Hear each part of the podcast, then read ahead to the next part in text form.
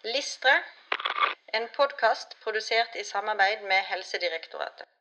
Læringsmål ALM 002 kunne evaluere styrker og begrensninger i egne kunnskaper og ferdigheter, og selvstendig kunne veilede kolleger i tilsvarende evaluering.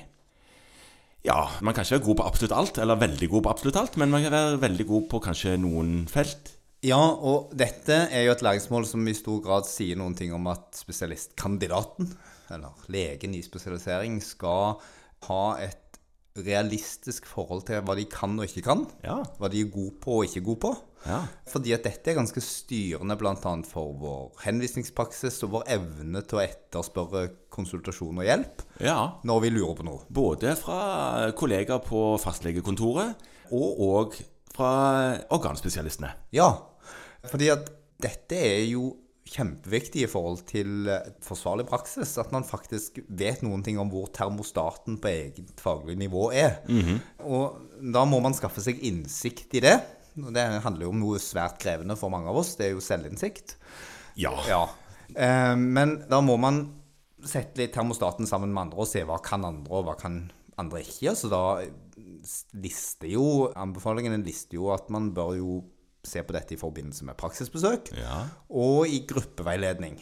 Eh, og så har jeg lyst til å dra til da, senere i smågruppearbeidet vårt, som man da ofte som LIS eh, begynner på, og som man fortsetter med som ferdig spesialist, så er det en kjempeviktig faktor at man bruker det til å sette litt termostaten for det faglige nivået vi ligger på.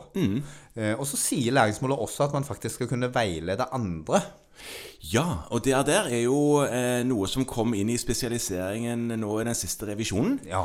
Hvor man eh, etter at man er ferdig spesialist i allmennmedisin, skal bli eh, litt mer veiledningskompetent. Ja. Ja. Så, så jeg tenker at i dette så ligger det to ting man skal reflektere over. Det ene er at man skal forberede seg på å kunne gi den tilbakemeldingen til kolleger som man skal veilede. Ja. Men så må man faktisk også under utviklingen av sin egen indre termostat øve seg på dette. Fordi det er en sånn to, toveisgreie. Sånn at det å på en måte kunne på en god måte gi en tilbakemelding til en kollega om at du, dette her gjør du kanskje ikke helt bra nok. Her må vi kanskje endre litt på standarden. Så må man bygge seg en kompetanse på hvordan man gir den typen veiledning, tilbakemelding, justering, for at vi felles skal hjelpe hverandre til å ligge på et nivå som er god forsvarlig praksis. Ja, og nå, nå, nå sto det òg i læringsmålet at man skulle lære seg å veilede. Ja. Og det er jo en ferdighet. Ja.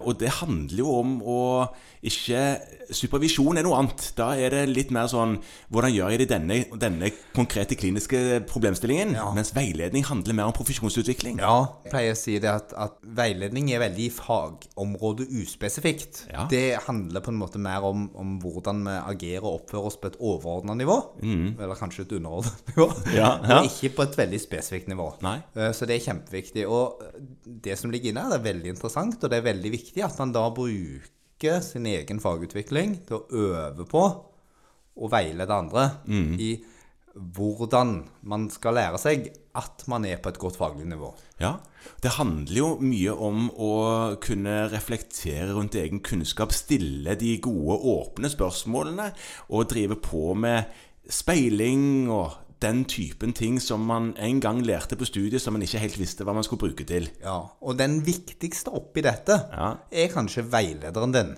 Ja, hovedveilederen din, ja. ja. For det vedkommende skal jo i hvert fall ha kunnet dette siden vedkommende er spesialist, og, og har forhåpentligvis tatt kurs i dette. Ja, nå vet du at en del av de som er spesialister nå, de ble spesialister når Eller de fleste som er spesialister nå, de ble spesialister når man ikke hadde noe krav om å bli veileder kompetent som del av spesialiseringen sin. Nei. eh, Men mange av de har lang erfaring i hva det vil si. Ja, veldig mange av de er veldig flinke i dette. Og jeg tror at veilederen er den som i størst grad kan, kan fungere som en rollemodell på å lære deg hva veiledningen faktisk betyr. Og så vil jo òg eh, de som er interessert i veiledning, vil òg kunne gå egne kurs med tanke på å bli bedre på akkurat det, for egen og andres eh, nytte siden. Det anbefales absolutt.